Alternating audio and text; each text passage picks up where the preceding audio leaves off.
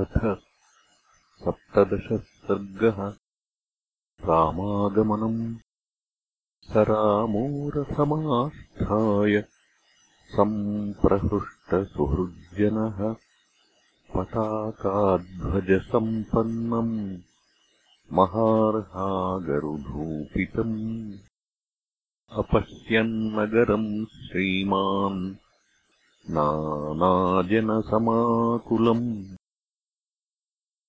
सगृहैरभ्रसङ्काशैः पाण्डुरैरुपशोभितम् राजमार्गम् ययौ रामो मध्येनागरुधूपितम्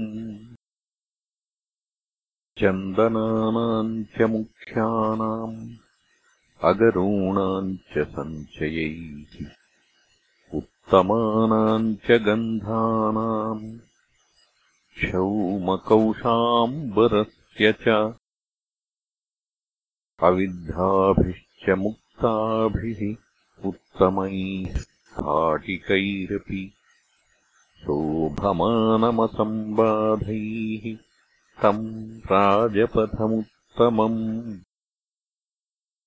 संवृतम् विविधैः पण्यैः भक्ष्यैरुच्चावचैरपि ददर्शतम् राजपथम् दिवि देवपथम् यथा। दध्यक्षतहविर्लाजैः धूपैरगरुचन्दनैः नानामाल्योपगन्धैश्च सदाभ्यर्चितचत्वरम् आशीर्वादान् बहून् शृण्वन् सुहृद्भिः समुदीरितान् यथार्हम् चापि सम्पूज्य सर्वानेव नरान् ययौ। पितामहैराचरितम् तथैव प्रपितामहैः अद्योपादायतम् मार्गम् अभिषिक्तोऽनुपालय। यथा स्मलालिताः पित्रा यथा पूर्वैः पितामहैः। ततः सुखतरम् रामे वत्स्यामः सति राजनि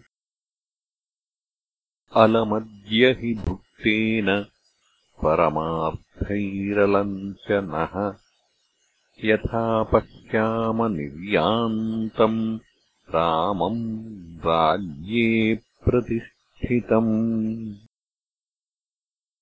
ततो हि नः प्रियतरम् नान्यत् किञ्चिद्भविष्यति यथाभिषेको रामस्य राज्येनामिततेजसः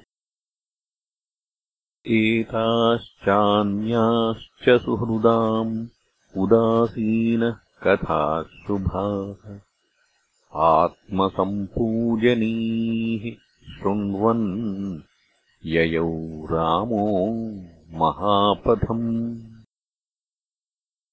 न हि तस्मान्मनः कश्चित् चक्षुषी वा नरोत्तमात्। नरः शक्नोत्यपाक्रष्टुम् अतिक्रान्तेति राघवे यश्च रामम् न पश्येत्तु यम् च रामो न पश्यति निन्दितः स वसेल्लोके। स्वात्माप्येनम् विगर्हते। सर्वेषाम् हि स धर्मात्मा वर्णानाम् कुरुते दयाम् चतुर्णाम् हि वयस्थानाम् तेन ते तमनूरताः। चतुष्पथान् देवपथान् चैत्यान्यायतनानि च प्रदक्षिणम् परिहरन्। जगाम नृपतेः सुतः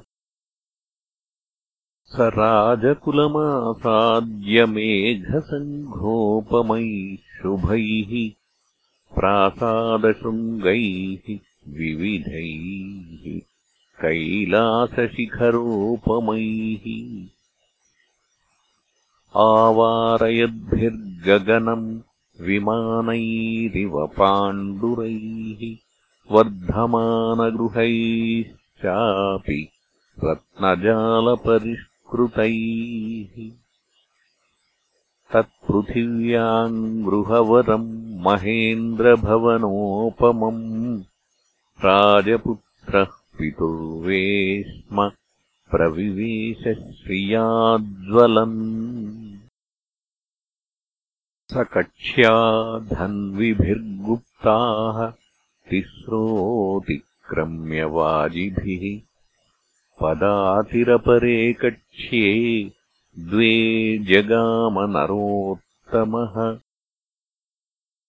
स सर्वाः समतिक्रम्य कक्ष्या दशरथात्मजः सन्निवर्त्यजनम् सर्वम् शुद्धान्तम् पुनरभ्यगात्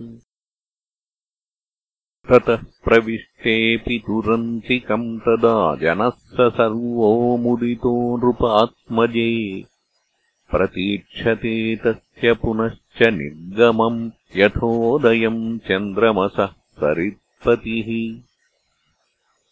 इत्यार्षे श्रीमद् रामायणे वाल्मीकीये आदिकाव्ये अयोध्याकाण्डे सप्तदशः सर्गः